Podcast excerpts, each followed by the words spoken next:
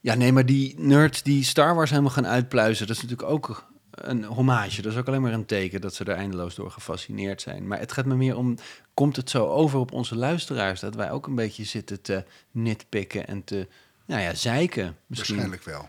Toch wel. Ja, dat vind ik wel jammer.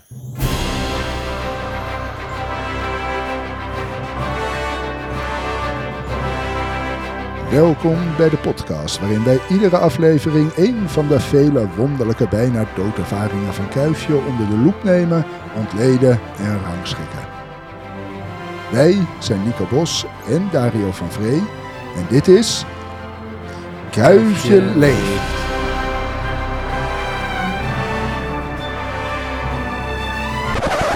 Nou, welkom.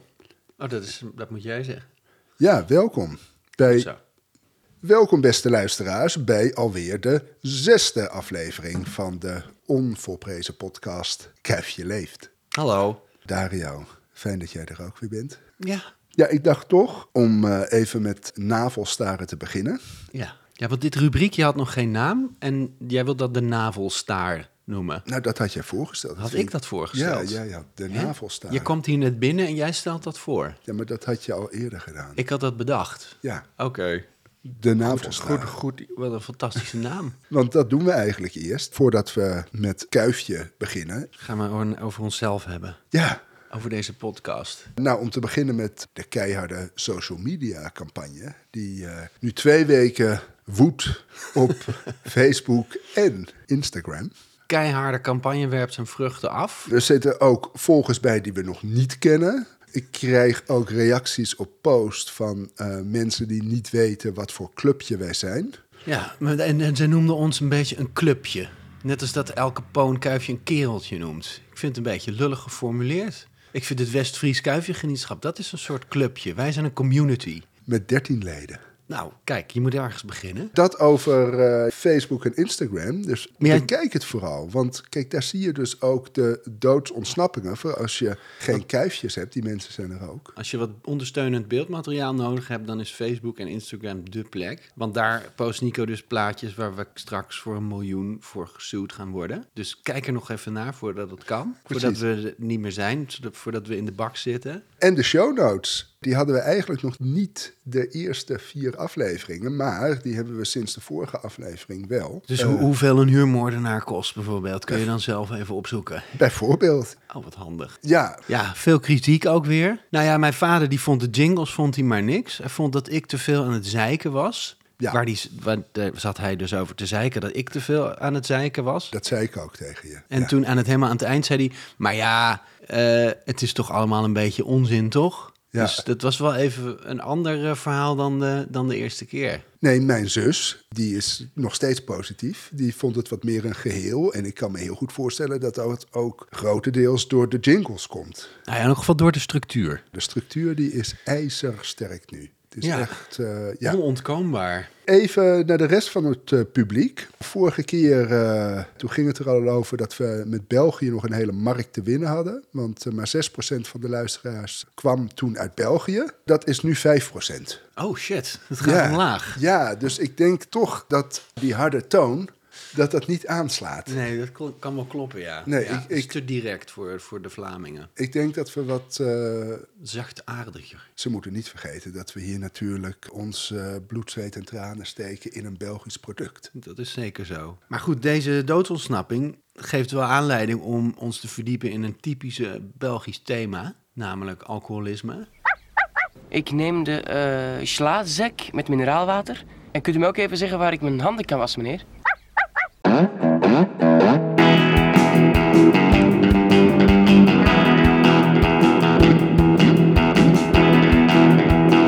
De doodsontsnapping van de maand. Daar heeft AI Painting dus een mooie interpretatie van gegeven. Die is op social media gedeeld. En er was één reactie, maar diegene heeft het fout. Ik denk niet Nou, dat oké, we door naar de hem- volgende.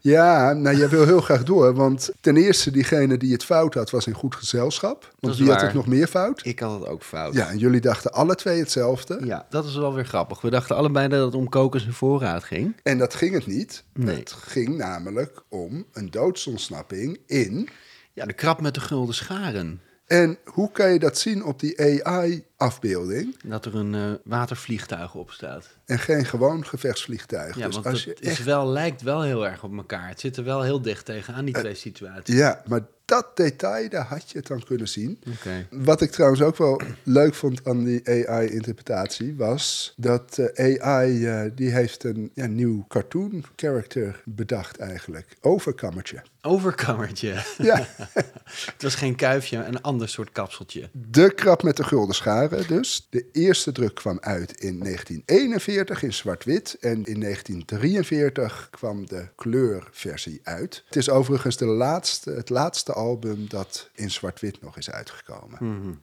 Wat gebeurt er en wat vinden wij van dit album? Nou, het is best een bijzonder album. Vooral natuurlijk omdat kapitein Haddock hier eh, op het toneel verschijnt. Het is het begin van een mooie vriendschap. Wat eigenlijk, als je kijkt hoe Haddock zich gedraagt in deze strip, bijna onvoorstelbaar is. Want hij, hij vermoordt Kuifje een paar keer bijna, omdat hij stom dronken is. En dat gaat de hele tijd maar door. En toch blijft Kuifje gewoon vrienden met kapitein Haddock. Het is eigenlijk alsof hij eh, een maniacale, bezopen, moordlustige wraakengel op sleeptouw heeft genomen. Ja, het het is onbegrijpelijk dat hij niet op een gegeven moment denkt... Ik, kan, ik moet zo snel mogelijk van die vent af. Maar het komt wel steeds heel duidelijk door de alcohol. En daarbuiten is hij wel eigenlijk een hele ami- amicale man. Dus je hebt- en hij is natuurlijk ook tegen de drugs.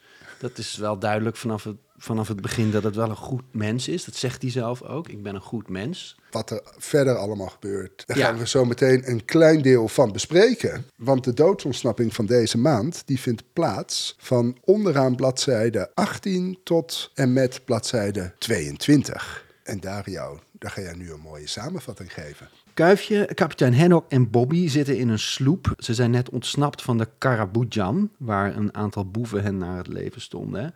Ze roeien samen weg van het schip. En het begint ochtend te worden. Kuifje ligt een dutje te doen, want ze zijn natuurlijk doodmoe. Kapitein Haddock vindt een fles rum in het overlevingspakket eh, wat in de sloep zit. Maar hij wil de fles weggooien, want hij heeft beloofd dat hij niet meer zou drinken. Omdat hij dus elke keer als hij drinkt, Kuifje naar het leven staat. Maar hij neemt toch één drupje en opeens is de fles leeg. En kapitein Haddock is dronken. In zijn dronkenschap besluit kapitein Haddock om de roeispanen in de fik te steken. Kuifje ligt te slapen. Nou, het is ook vooral omdat hij denkt van ja, Kuifje die ligt er zo eh, koud bij. Ja, dat is waar. Hij denkt ook aan Kuifje. Het is ja, ja. eigenlijk met een hele goede bedoeling. Dat is waar. Hij zegt, arme kleine, wat slaapt hij vast. Maar hij zal het ook wel gemeen koud hebben. En dan komt hij op het idee om dan maar een vuurtje te stoken in de houten sloep van de roeispanen. De lieverd. Eh, Kuifje eh, wordt wakker uit een nachtmerrie waarin hij in een brandend huis vastzit en schrikt zich helemaal te pletter als hij ziet dat er gigantisch vuur woedt in, midden in de sloep. Hij grijpt een emmer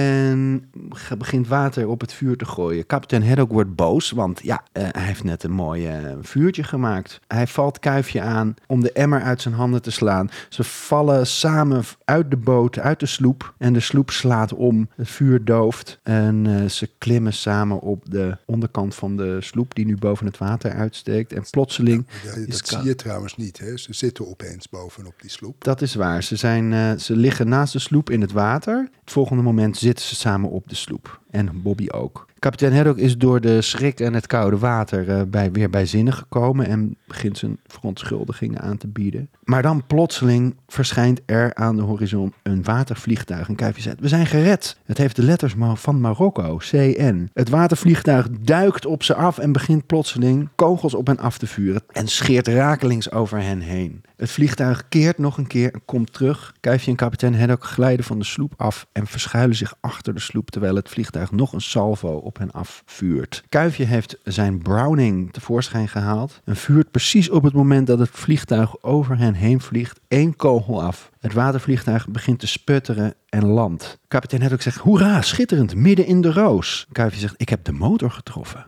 Heel beeldend. Ik zat er helemaal in. Dank je, wat leuk. Ik, En- begin, ik begin natuurlijk ook, ben, ik ben ook een zelflerend programma. Ik ben geen programma, maar ik ben wel zelflerend. Aan wat voor soort dood ontsnapt Kuifje hier? De categorie Dood door wild dier, waaghalserij, doodgeschoten, doodgestoken, moord James Bond schurkstijl, moord overig, ongeluk, natuurgeweld, bovennatuurlijk en pech.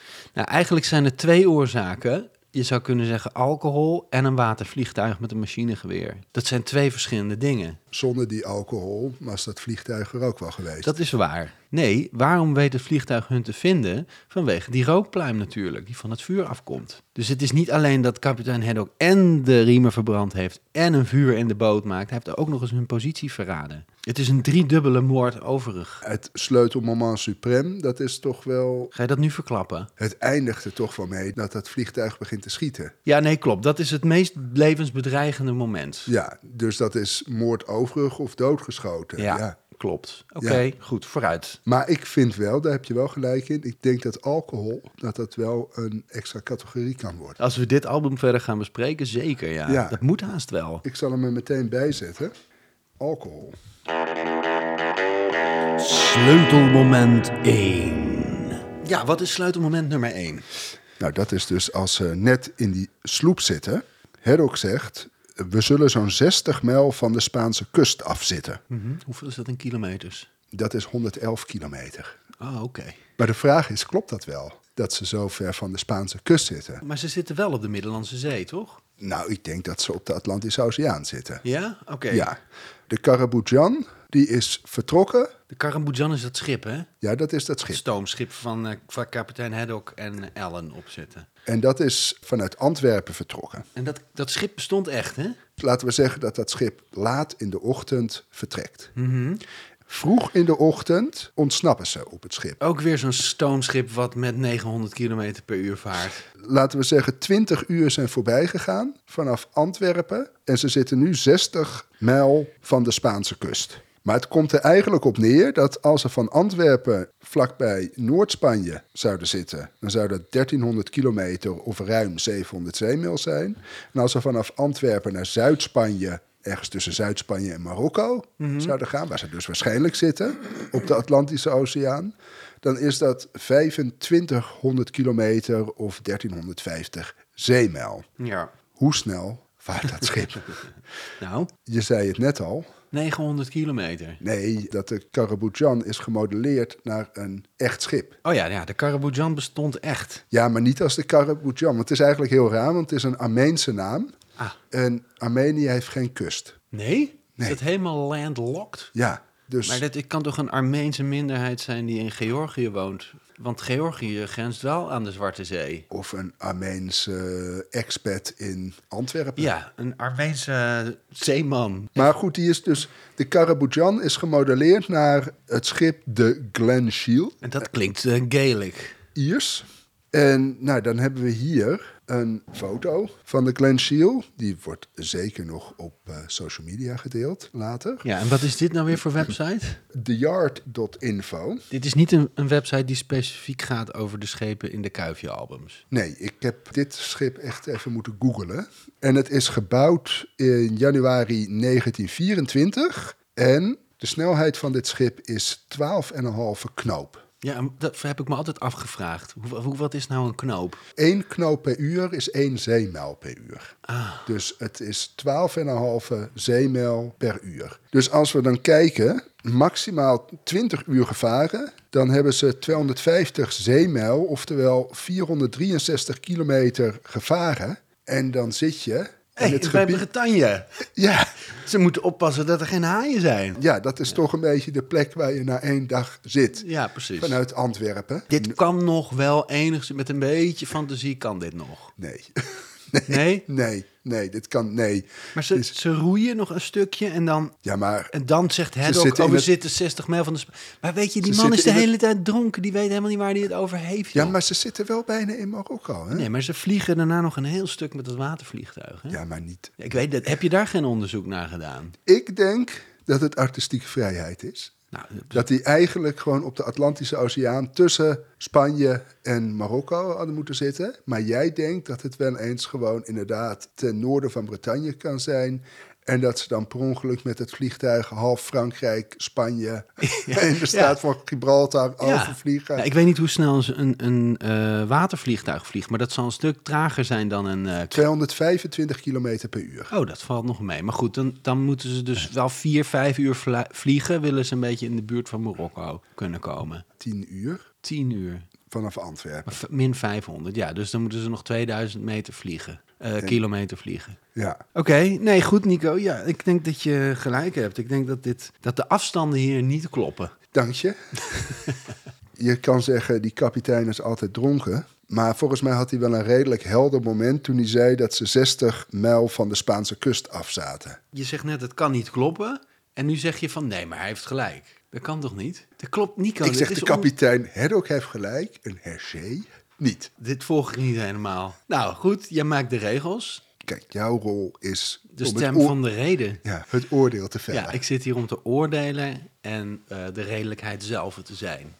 En jij bent hier om pseudowetenschappelijk onderzoek te doen en soms een beetje rare dingen te zeggen. Ja, maar dan heb ik toch wel één vraag. Wat doet de Marokkaanse kustwacht ten noorden van Bretagne? Maar hoezo denk je dat dit de Marokkaanse kustwacht is? Nou ja, het is een Marokkaans vliegtuig. Dat is helemaal waar. Maar de kustwacht, het is niet de kustwacht, want deze mensen worden betaald om hun dood te schieten. Nogmaals, het is een Marokkaans vliegtuig, watervliegtuig. Nee, nee, oké. Je hebt gelijk, Nico. Oké, als we het echt moeten...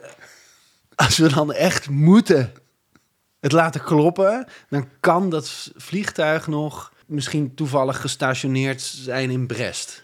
Was wel in de Tweede Wereldoorlog hè, dat deze strip uitkwam. Precies. 41. Dus? Voor de oorlog, voordat Frankrijk was veroverd, was Marokko, eh, die had zich uitgesproken voor de geallieerden. Marokko zelf. Ja, voor Frankrijk en Engeland tegen Duitsland. Aha. Maar ze hadden wel een beetje status apart, hè? Het was een protectoraat en wat toen onder Vichy Frankrijk viel. Maar Bretagne was geen Vichy Frankrijk. Nee. Die hele Atlantische kust, dat was gewoon Duitsland. Dus de kans dat daar een Marokkaans vliegtuig zich ophoudt is... Ja, is klein. Het is ook wel inderdaad heel toevallig. Maar goed, niet onmogelijk. Sleutelmoment 2. Haddock vindt en drinkt een hele fles rum. Oké, Ja. dat zijn twee dingen. Ja. Maar Hij vindt dat, dat kan. Vraag was, is het logisch dat daar een fles rum ligt? In het overlevingspakket wat in die sloep zit. Ja, Nou, waarom niet? Kan toch? ik denk sowieso als de kapitein zo'n alcoholist is... dat dat misschien wel standaard Dat is. heeft hij wel eventjes geregeld, ja. Dat er in elke sloep voor het geval dat ze zinken... een paar eh, flessen rum of in elk geval één is. Maar Dus- is dat, was dat ook een standaard onderdeel van eh het Ehm, reddingspakket? nou ja, ik heb dat eigenlijk niet meer uitgezocht. Oh, oké. Want ik dacht van ja, ook al is het dat niet. Dan kan het gewoon omdat kapitein Haddock daarvoor gezorgd heeft. Precies. Oké, nou prima. Maar ja, dan is toch ook de vraag: wat gebeurt er als je een fles sterke drank achter elkaar opdrinkt? Daar heb ik toch ook eens eh, naar gegoogeld. Ja, Ik je heb hebt het niet zelf geprobeerd. Nee, Volgens nee. mij heb jij dat best wel een keer zelf geprobeerd, Nico. Ja, maar dat weet ik niet meer. Nee. Ja, als je dat gaat googelen, wat gebeurt er als je een eh, fles sterke drank in één keer opdrinkt? Komt er eigenlijk op neer dat men het afraadt. Je kunt eraan doodgaan. Als je dat niet gewend bent, dan is het wel eh, too much. Ja, Kapitein Haddock heeft de lever te grootte van een reddingsboei. Dus die kan dat wel handelen. En het is ook niet dat hij hem in één keer leeg drinkt. Hè? Want hij begint met een drupje, zegt hij zelf. En de rest gooi ik weg. Beloofd is beloofd. En dan is hij opeens leeg. Wat ik trouwens vind ik op zich best wel herkenbaar hoor. Dat je, een, je schenkt een glaasje wijn in en opeens is die fles leeg. Dat je denkt, huh? ja nee, dat heeft hij ook inderdaad. Ja, het is geen 75 eh, centiliter fles. Het is echt, ik denk wel anderhalve liter of zo. Het is, een hele, grote. Het is een hele grote fles. Ja. Als je het Google vraagt, zou dit niet kunnen. Maar gelukkig heb je Quora. Ah. En eh, Daar gaan we weer. Ik zou even naar de website van het RIVM gaan, Nico. Ik denk dat die heel wat andere cijfers hebben. Die zeggen dat één drupje al eh, dodelijk is. ja, maar bij Quora heb je dan toch ook eh, de headocs eh, die daarop zitten. Ja. Want de vraag waar ik op terecht kwam, die had ik niet zelf gesteld, maar die vond ik. Ah ja, oké. Toen dacht je, oh, dit is eigenlijk een betere vraag dan die ik zelf gesteld. heb. How can some people drink an entire bottle of alcohol without getting alcohol poisoning and dying? Ja, goed gezegd. Paul B., die wil niet eh, seksistisch klinken, maar die zegt toch wel dat het een regel is dat mannen meer kunnen drinken dan vrouwen. Het is ook geen racist, maar Europeanen kunnen ook meer drinken dan Aziaten of Native Americans. Aha. De volgende is Alex V. En dan komen we een beetje in het gebied van Haddock. Ja. I stumbled upon this question looking for an answer myself. I'm six feet tall and weighed 205 pounds, and I'm able to drink an entire normal size 750 milliliter bottle of whiskey or tequila, and I don't even get wasted. It is annoying for me because of how much money it takes to get me drunk, and I haven't got an inch. nou ja. Ja, als je dan even teruggaat naar dit sleutelmoment. Ja, en, en er ligt dus een fles rum en kapitein Haddock drinkt die in, nou, korte tijd op. Misschien een uurtje of zo. Hij kan nog steeds functioneren en hij kan nog roeien. Is dat logisch? Ja, ja logisch. Is dat mogelijk? Ja, Ja. dat is mogelijk. Ik denk dat kapitein Haddock ook enorm veel training heeft gehad. Dat is toch wel hier de sleutelfactor. Sleutelmoment 3. Kapitein Haddock maakt een vuurtje in een houten sloep van roeiriemen. Ik heb dus wel eens gekeken van welk hout die roeisbanen van reddingsboten zijn gemaakt. Aha.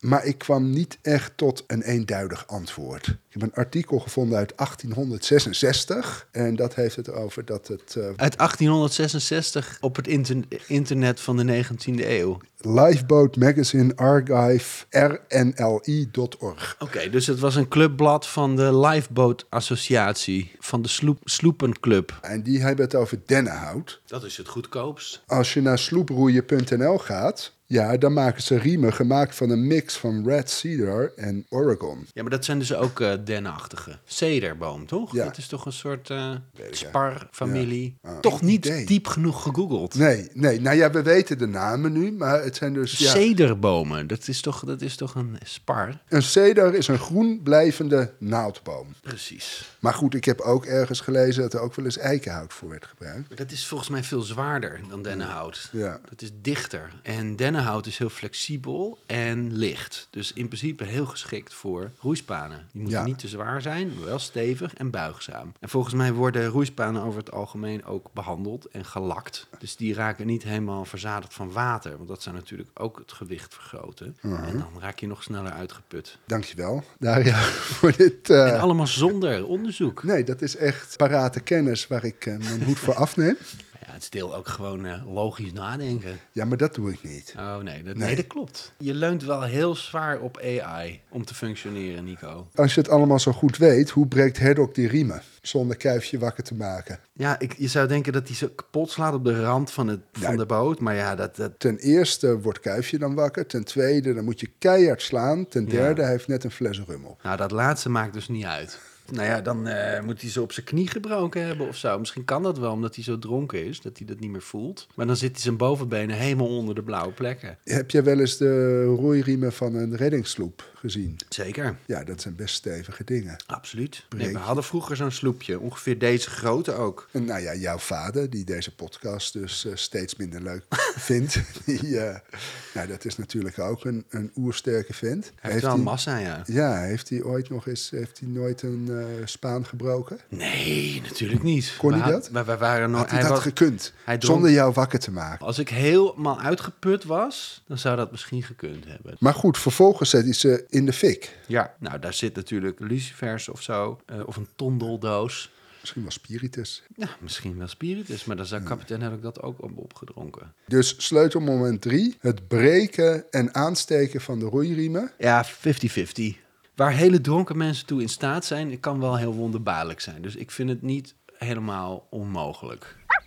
Bueno, señor, wat een letter naar deze verlaten woestenij. Ik ben op zoek naar de Arumbaya's. Dario, heb jij nog goede voornemens voor het nieuwe jaar? Ik barst van de goede voornemens. Een van de beste voornemens die ik heb is om meer bier te drinken. En dan natuurlijk niet zomaar bier, maar het fantastische bier van de Brouwkamer. Brouwerij de Brouwkamer te koop op shop.brouwkamer.nl. Ja, het wordt een beetje lastig in januari, dry January. Ik doe er zelf niet aan, maar voor veel mensen is dat natuurlijk een moment dat ze eventjes de lever wat rust gunnen. En dan gaat de business van de brouwkamer achteruit. Dus dit is het moment om flink in te slaan. Nou, ik heb zelf iets van, ja, Dry January, eh, help de brouwkamer. De Dry Jan- January door. Precies. Ja. Dit is juist de maand om extra te bestellen op shop.brouwkamer.nl. En speciaal voor deze koude wintermaanden De donkere maanden. is er ook een eh, donker bier. Royal Dark, een zijdezacht en warmende donkere eeuw van hoge gisting. Gebrouwen met een vorstelijke hoeveelheid verse mouten, kandij en handgeplukte hop. De Royal Dark is een elegant speciaal bier met kruidige aroma's en een hint van tutti frutti, koffie, chocolade en karamel. Dit is pure marketingpoëzie. Wat prachtig. Ja, het is wel echt een bier voor deze tijd van het jaar om het eh, ja, wat warmer te maken eigenlijk, net als in die sloep.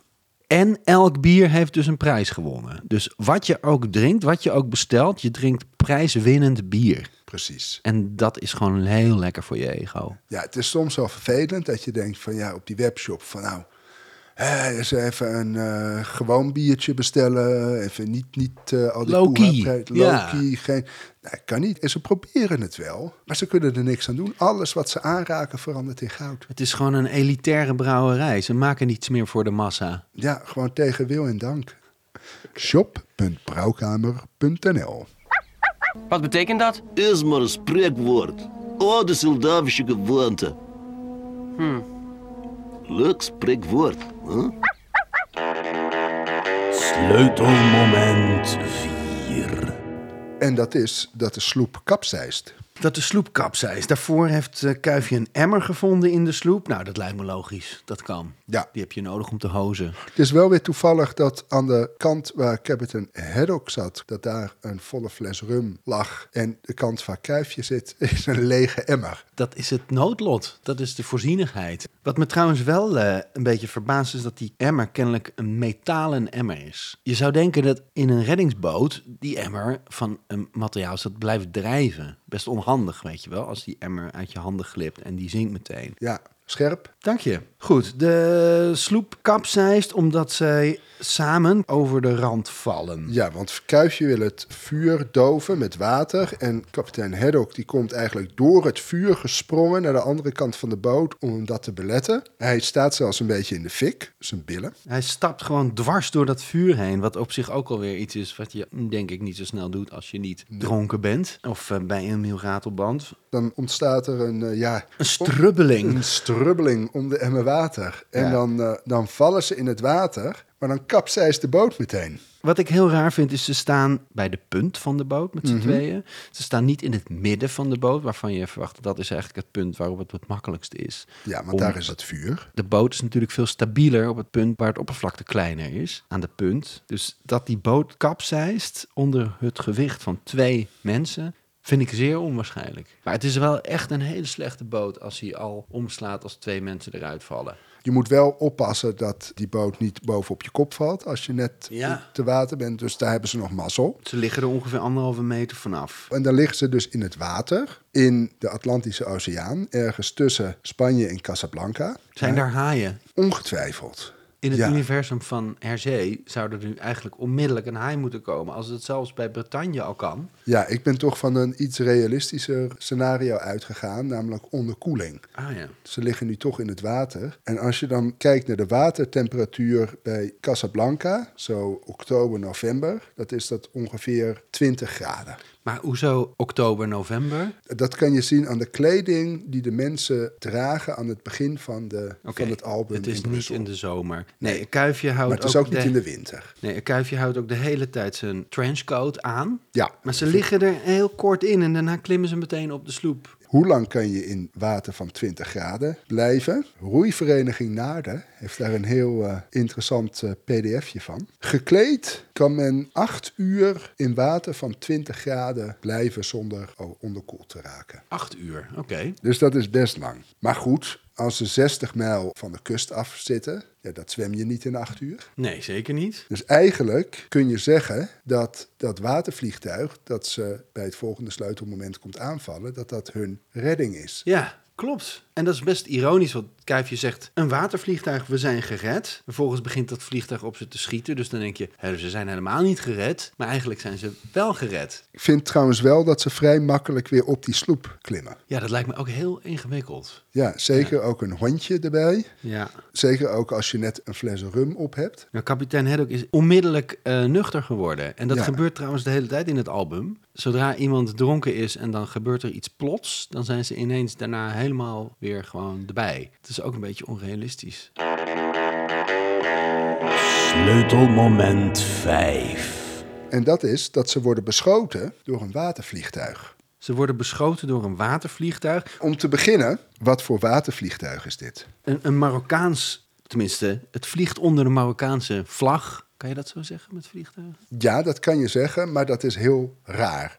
Dit watervliegtuig, dat is een Belanca CH-300 pacemaker. Pacemaker. Maar ja, die stamt uit de tijd voor de pacemaker. Dus de, de pacemaker is vernoemd naar dit vliegtuig. Dat was een, eh, een Amerikaans watervliegtuig. Mhm. Dat vooral in Amerika en ook wel in Canada, Alaska, werd dat gebruikt. Mhm. Dus ja, wat de Marokkaanse kustwacht daarmee moet, dat is totaal onduidelijk. Want er hoezo- zijn er in totaal maar zo'n 35 van gebouwd. Oh nee, maar dan snap ik het wel. Ja, dan is het wel heel toevallig dat een van die vliegtuigen in Marokko is eh, beland. Het is best wel een eh, bijzonder vliegtuig. Hoe weet je trouwens dat dat dit vliegtuig is? Dat heb ik gegoogeld. Wat Eh, heb je gegoogeld dan? Ik heb gegoogeld naar het watervliegtuig in Kuifje. En er werd Ah. op een gegeven moment gezegd dat dat gemodelleerd was naar de CH-300 pacemaker Ja, dus- van Belanca. Jij staat nu op de schouders van reuzen. Andere mensen die al heel diepgaand onderzoek hebben gedaan naar alle vliegtuigen en vaartuigen die in Kuifje voortkomen. was Tap geen- jij nu op in. Nee, dit is gewoon Wikipedia. En dan heb je nog wel even gecheckt, gefact-checked, mag ik hopen. Ja, het is een eh, monoplane to float. Dus Precies. dat, eh, dat model. Ja. Die Belanca, dat is dus best een bijzonder vliegtuig. De eerste vlucht was in 1929. En meteen in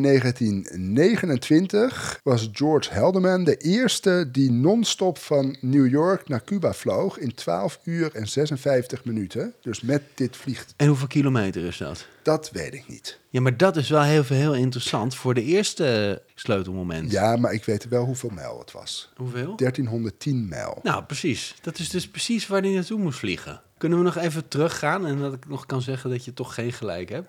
Je hebt jezelf mooi onderuit gehaald hier. Trouwens, later is er nog een record gebroken, namelijk door 84 uur en 33 minuten zonder bij te tanken in de lucht te blijven.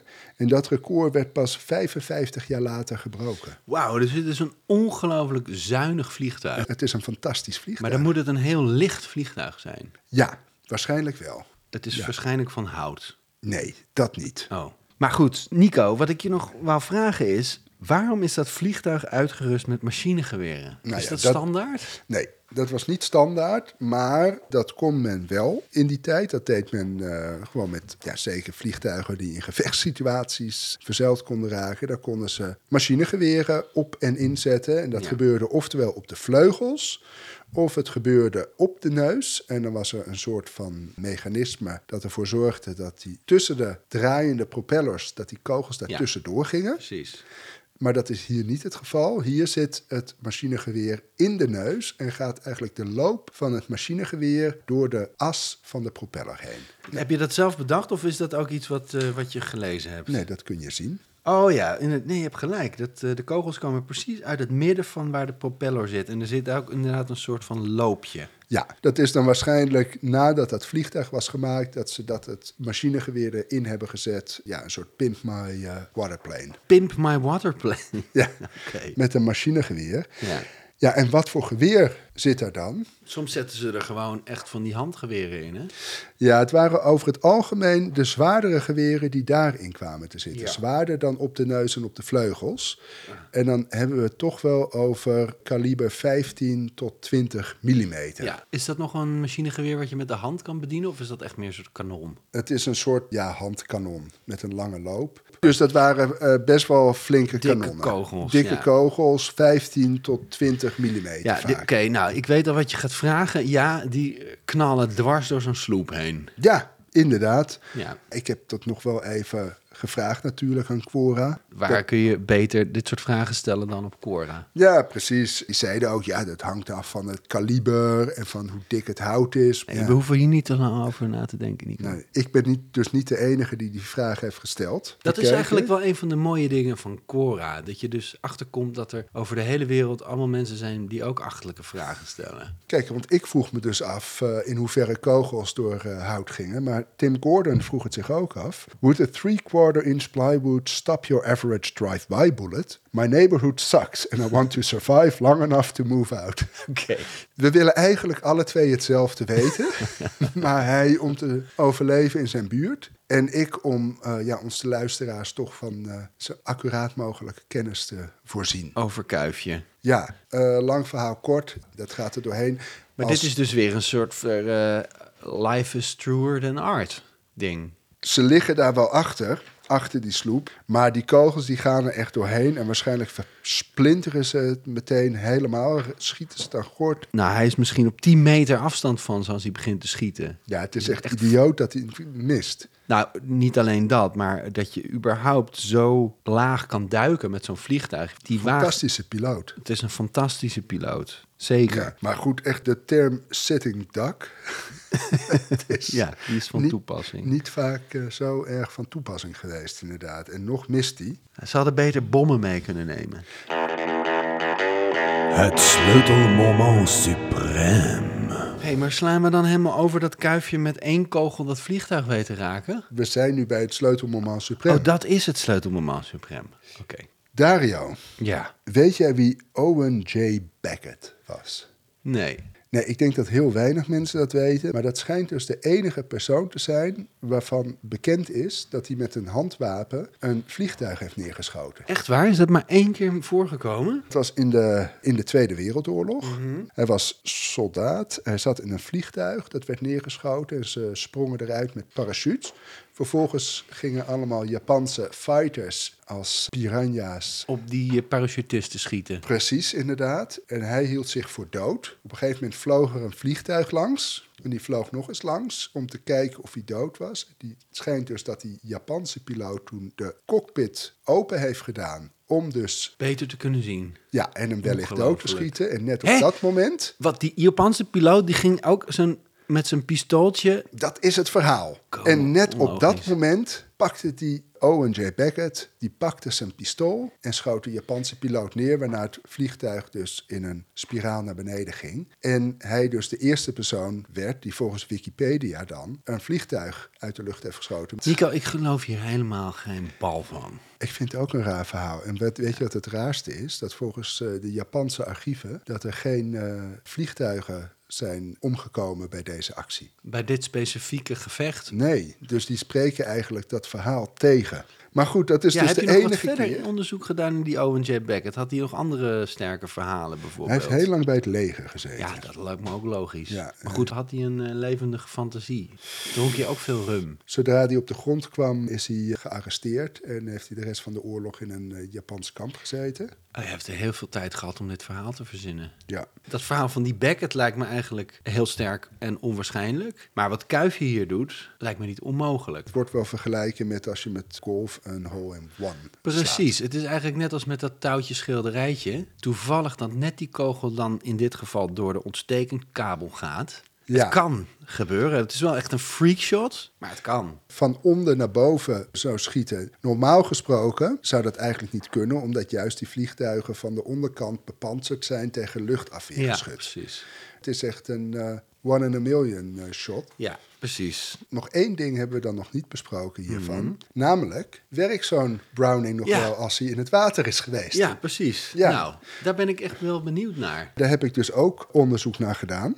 Op cedarmillfirearms.com staat wel een wet handgun jam. Het komt er eigenlijk op neer dat Oh. eh, van de handwapens, de pistolen, dat eh, eigenlijk alleen de klok De Glock. Die is gewoon betrouwbaar ook als hij in het water is geweest, want dat is kunststof. Maar een Browning, ja, je kan er misschien nog wel mee schieten, maar ja, hij is niet meer zo betrouwbaar. Nee. De beste samenvatting, die vond ik op absoluteright.com. Goeie naam weer. Goeie Will a bron. gun still work if it has been submerged in water? En het beste antwoord kwam van eh Christabel uit Tennessee. Ja, en die daar weet weten ze waar ze wel het wat. over heeft. Ja. My husband, the gunsmith, says that if eh, it's a clock, it will still fire. Others, it's iffy. Nou, oké, iffy. Goed, duidelijk. Iffy. De gunsmith zegt het. Daar kunnen we het bij houden dan. Ik wilde u wat vragen o- over die beelden. Wat is er mee? Kopieert u die van een tekening of van een echte fetish? Kuifje in context. We gaan het hebben over de emoties van Kuifje. Wanneer huilt Kuifje? Sowieso de laatste pagina van De Blauwe Lotus. Loopt hij aan één stuk door te janken. Ja. En eh, dat komt omdat hij afscheid moet nemen van Chang, onder Ja. andere. Maar ook van het land China kennelijk. Want hij heeft het daar enorm naar zijn zin gehad. Ondanks dat hij ongetwijfeld vele malen aan de dood ontsnapt is. Zeker. Maar die kleine Chang, die jongen, die heeft kennelijk een bijzonder plekje in Kuifjes hart veroverd. Want niet alleen in de Blauwe Lotus, maar ook in Kuifje in Tibet, waar hij Chang weer ziet. Ook daarin huilt Kuifje een aantal keer. En dat begint eigenlijk meteen al bij het begin. Als hij dus eh, leest dat Chang waarschijnlijk is omgekomen bij een Ja. vliegtuigongeluk, dan ligt hij echt gewoon op zijn arm te huilen. Hij is helemaal kapot. Ja. Ja, Ja, dus dat hebben, dat we, is dat echt, hebben we eh, nog niet eerder gezien, denk nee, ik. dat Ook hij niet zo, in de Blauwe eh, Lotus. Nee, hij is daar echt helemaal. eh, Dit album trouwens, hè, Kuifje in Tibet, wordt wel gezien in meerdere opzichten als het toppunt van de Kuifje-reeks. Niet alleen visueel, artistiek, maar het is in die zin ook een hele bijzondere, omdat inderdaad het drama, het persoonlijk drama van Kuifje hier een hoogtepunt bereikt. We zien eigenlijk nu het Kuifje ook echt diepe gevoelens koestert voor een jonge Chinese. Ja, hoe oud is Chang? Blijft Chang, Nou, Chang kijk. blijft minderjarig, denk ja, ik. ja, maar dat komt natuurlijk omdat Chang is gemodelleerd naar een echte vriend van Hergé. Oh ja. Dat was een eh, Chinese student. En daaraan is hij voorgesteld toen hij het album De Blauwe Lotus ging maken. Om ja, wat meer over China te leren. En dat werd toen een goede vriend van hem. En ze waren alle twee even oud. Oh. Maar in, in de Kuifje-albums is Kuifje wel iets ouder dan Chang. Chang is meer een kind, of tenminste een, een adolescent. Ja, dus misschien zag Hergé hem, eh, zichzelf ook. al- Want hij Ja. was natuurlijk de gevierde striptekenaar. En Chang was een, een buitenlandse student in België. Zij werden dus vrienden en dat zouden ze de rest van hun leven blijven. Dus dat is heel persoonlijk allemaal. Maar nou heeft hij nog een keer gehuild. En niet om Chang. Kijk, Chang is niet de enige waarom hij huilt. Nee, dat moet Bobby zijn. Inderdaad. En dat is dus vlucht 714. Want jij vroeg het toen aan mij, in welk album Ja. heeft Kuifje gehuild? Toen Ja. zei ik vlucht 714. Ja. Toen zei jij fout. Maar dat was goed. Was goed. Was Ja. ook goed. Als ze net aankomen met het vliegtuig, dan rent Bobby weg. En dan wordt hij, wat Kuifje denkt, dus neergemaaid door machinegeweren, vuur. Waarom schieten mensen op een hond? Dat weet ik niet. En dan op een gegeven moment later, dan denkt hij opeens aan Bobby. Denkt hij dat hij Bobby hoort? En wat zien we daar? Eén traantje. Volgens mij heeft hij nooit om kapitein Haddock gehuild. Om Bobby gelukkig wel en om Chang alleen maar. Dus ik, Om Chang ja, moet hij eigenlijk alleen maar huilen. ik vind het wel een beetje een disbalans. Nou ja, we kunnen ons wel, hè, überhaupt kun je vragen stellen over de seksuele geaardheid van Kuifje. Ik bedoel, hij heeft nooit romantische relaties, maar als hij echt geraakt is, dan gaat het over eh, relaties met Chang en z- en zijn hond. Dus hij zit waarschijnlijk of op het bestiale of op het homoseksuele spectrum. Dan Nou komen we bij de rol van de vrouwen in Kuifje. Ja, en, de- eh, die dat- vrijwel afwezig is. vrijwel afwezig. Ja, Bianca Castafiore en eh, hier en daar een snotterende hospita. Dat is het wel zo'n is het een beetje. beetje. En verder is het echt ja, een hele mannelijke strip. En dan kun je je afvragen, is huilen mannelijk? Dat hele onderscheid tussen mannelijke en vrouwelijke eigenschappen en zo. Ik Vind, Ja. Heeft mij altijd verwonderd. Want wat is dat dan? Dat is toch allemaal cultureel bepaald? Nee, Oh. dat verzin ik niet, uiteraard. Ah, nee, natuurlijk niet. Nee, dat, dat is, de AI in jouw hoofd. Nee, dat is mensheld. Het hormonale verhaal. Redenen dat mannen minder huilen. De concentratie van het hormoon prolactine is hoger bij vrouwen. Dit specifieke hormoon verlaagt de drempel voor het loslaten van tranen. Het mannelijke hormoon testosteron lijkt deze drempel juist te verhogen. Oh, interessant. Dat wist ik niet. Nee, tuurlijk zijn er biologische verschillen tussen mannen en vrouwen. Ik wil ook een beetje van dat prolactinehormoon. Lijkt me heerlijk. Dat je wat vaker kunt huilen. Ja, lijkt me want, echt heel fijn. ja, want het staat dus ook. Dit betekent niet dat de gevoelens op een mindere mate worden ervaren door mannen. Het verschil zit in het uiten van deze gevoelens. Hm. De lage vrouwelijke huildrempel vergroot de kans op tranen. Waar de vrouw huilt, gebruikt de man zijn scheldwoordenarsenaal. Echt? Wat mooi. En dat is dan Oh, precies wat hier in Kuifje gebeurt. Dus Ja. eigenlijk, Herdok, Dat is een hele gezonde man. die is de hele tijd aan het janken. Als die ook maar een beetje, wat was het, prolactine had gehad... ja, dan was hij de helft van die hele Hey. serie aan het eh in Ja, Hm. tranen. Maar we zien Haddock ook letterlijk huilen. Hè? Haddock huilt echt vaak. De eerste keer dat we hem zien, is hij volgens mij al zelfs aan het janken. Ja. Het tweede plaatje dat Haddock te zien is, is hij aan het huilen. Het is een hele gevoelige man. is een En dat he- is misschien ook wel waarom Kuifje hem in de armen sluit. Ondanks dat hij hem vijf, zes keer probeert te vermoorden hier. Ik hoorde u, professor. Dat moet een vergissing zijn. Ik mankeer niks.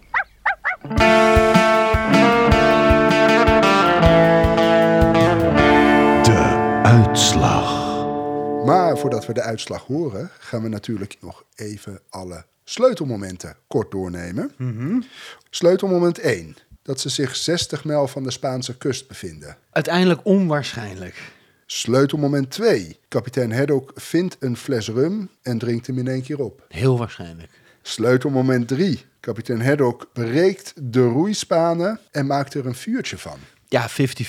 Het kan, met, met een hoop moeite. Sleutelmoment 4. De sloep kapseist. Ja, dat is minder waarschijnlijk, maar niet onmogelijk. Sleutelmoment 5. Ze overleven salvo's van een watervliegtuig dat in duikvlucht op ze schiet. Ja, dat kan. Sleutelmoment suprême.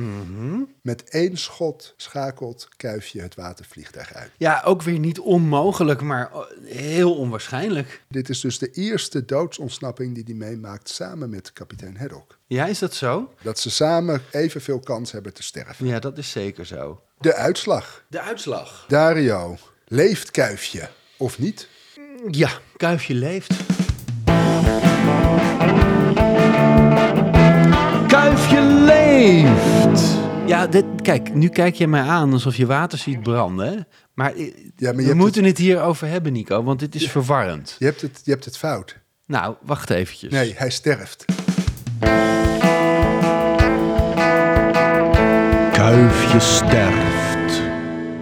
De manier waarop wij dit bespreken is heel onduidelijk. Want als iets waarschijnlijk of onwaarschijnlijk is, zegt dat nog niks over of hij wel of niet zal sterven. Sommige van deze sleutelmomenten dragen er namelijk toe bij dat hij het eerder zal overleven. En andere eerder dat hij zal sterven. Dus als je zegt waarschijnlijk of onwaarschijnlijk, dat wat, wat dat het gebeurt. Maar dat zegt nog niks over de uitslag. Het is meer een waarschijnlijkheid waardoor hij in de situatie van het sleutelmoment suprême komt. Zit dat in die formule? Uiteraard. Oké, Maar hij sterft dus. maar hoezo? Waar sterft hij dan aan? Omdat hij wordt neergemaakt door een 15 of 20 millimeter kaliber machinegeweer uit een watervliegtuig. Dat op hem richt terwijl hij als een sitting duck in de oceaan zit. Ja. De sterftekans is ook best wel hoog. Oh, echt? 79,2. Een spion van niks stond op 3 met 78 Dus we hebben een nieuwe nummer 3. Kijk, mooi.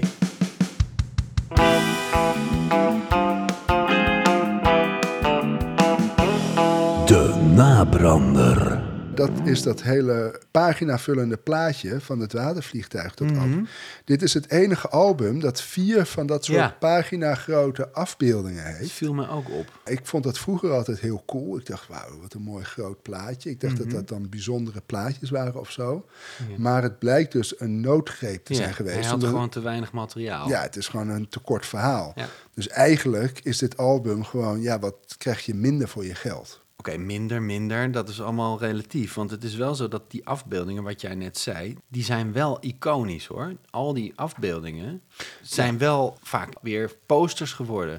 Ja, maar daarom was ik dus ook een beetje verbaasd dat onder andere jij en onze enige reageerder niet hadden geraden dat dit de doodsontsnapping was, omdat dat gele watervliegtuig iconisch is. Het is altijd makkelijk reageren hè, vanuit jouw positie als je het al weet. Call to action. Wat hartstikke belangrijk is, is dat je onze podcast Kuifje Leeft ook volgt. En dat gaat als volgt. Op Spotify klik je op volgen onder het logo van Kuifje leeft. Ga je nou uitleggen hoe mensen moeten volgen?